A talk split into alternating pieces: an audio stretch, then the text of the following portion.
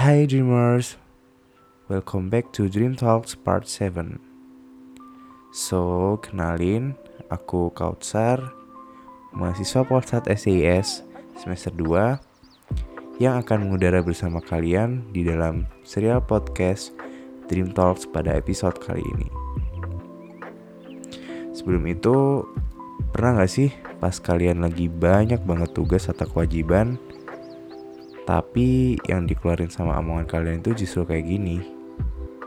Misal kalau misalkan kalian besok nih ada tugas matkul, kalian malah ngomong kayak, hmm, tar dulu deh, kan bisa dikerjain pas kelas, lagi nggak ada motivasi nih.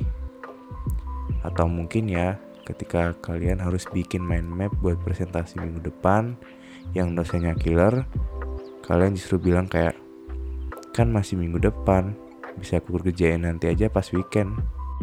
Gamut gak ada motivasi.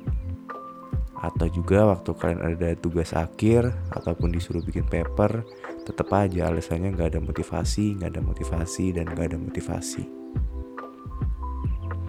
Kalau kalian sering kayak gitu coba stop lakuin itu dari sekarang.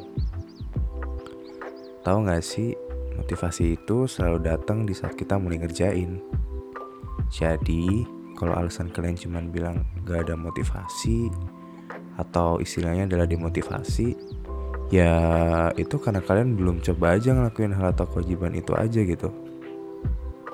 Jadi intinya dan kuncinya ya cuma satu, mulai, mulai dan mulai. Oh ya, dreamers. Demotivasi wajar kok buat setiap manusia. Bahkan di seantero jagat raya ini. Karena kan balik lagi ya, kita kan juga bakal capek. Kita bukan robot yang bisa kerja terus kok. Bahkan robot aja harus dicas kan biar dia bisa lanjut untuk kerja lagi.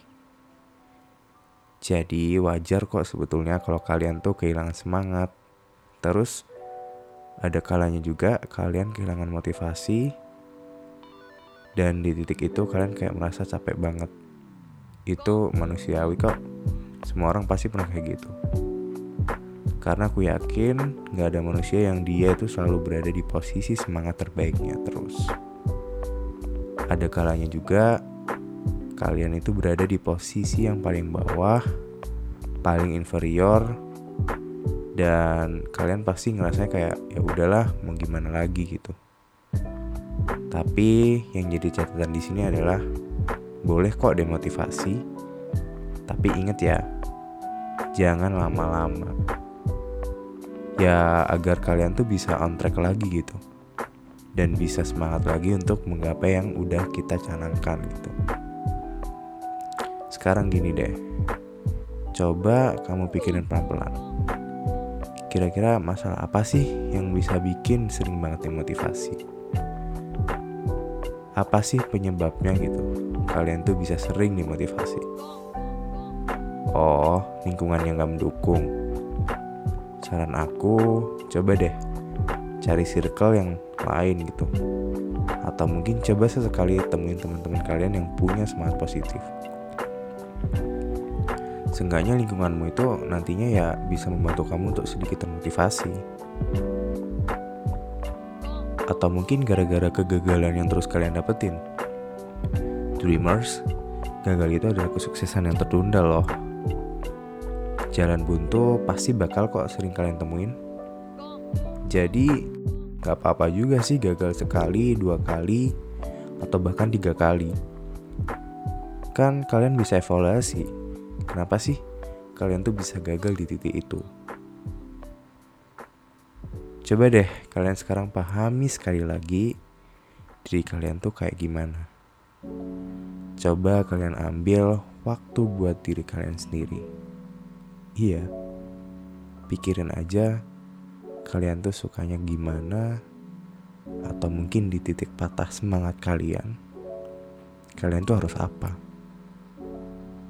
Yang jelas pahami terlebih dahulu diri sendiri ketika kalian emang lagi ada di titik dimotivasi. Kalau kita bicara hidup sih emang iya. Hidup itu ibarat roda hidup kita ya puterannya gitu-gitu aja. Habis bahagia pasti sedih. Eh, habis sedih, tiba-tiba bahagia. Terus juga di kehidupan itu, jangan lupa kalau ada yang namanya isak tangis. Kalian berhak kok ketika lagi dimotivasi untuk menangisi semuanya. Iya, sedih, mewek, cemberut, itu nggak apa-apa kok. Itu wajar. Tapi ingat, di balik tangis itu, kalian harus mampu untuk menumbuhkan senyuman kalian lagi. Coba ingat-ingat, semanis apa sih senyuman kalian ketika kalian lagi berhasil, lagi sukses, lagi bahagia, atau apa pun deh yang bikin kalian tuh tersenyum. Iya, wajar kok ketika demotivasi kalian sering banget overthinking. Hei, nyebelin ya. Makhluk yang gak diinginkan datang, eh malah pasti motivasi tiba-tiba datang aja gitu. Dan justru memperburuk suasana makin nyesek kan? Iya aku paham. Kadang-kadang juga kalau kalian udah nggak kuat lagi, kalian tuh pasti ngeluarin omongan yang sebenarnya kalian tuh nggak pengen omongin. Apa aku nyerah aja ya? Dan menurutku itu nggak apa-apa kok. It's okay. I feel you. Tapi ingat ya, kalau kita terus kayak gitu, patah semangat, menyerah, nanti malah jadi entar-entar aja gitu. Atau bisa dibilang procrastinated. Padahal ya motivasi akan datang kalau kalian udah mulai ngapa-ngapain kan. Percaya deh, ntar lama-lama selesai semua kok tugasnya. Ntar lama-lama kelar semua kok kesibukan kalian. Dan percaya deh, ketika kalian mulai nyoba ngerjain dan gak diem aja, pasti kalian bakal kelarin dan gak akan nunda-nunda lagi.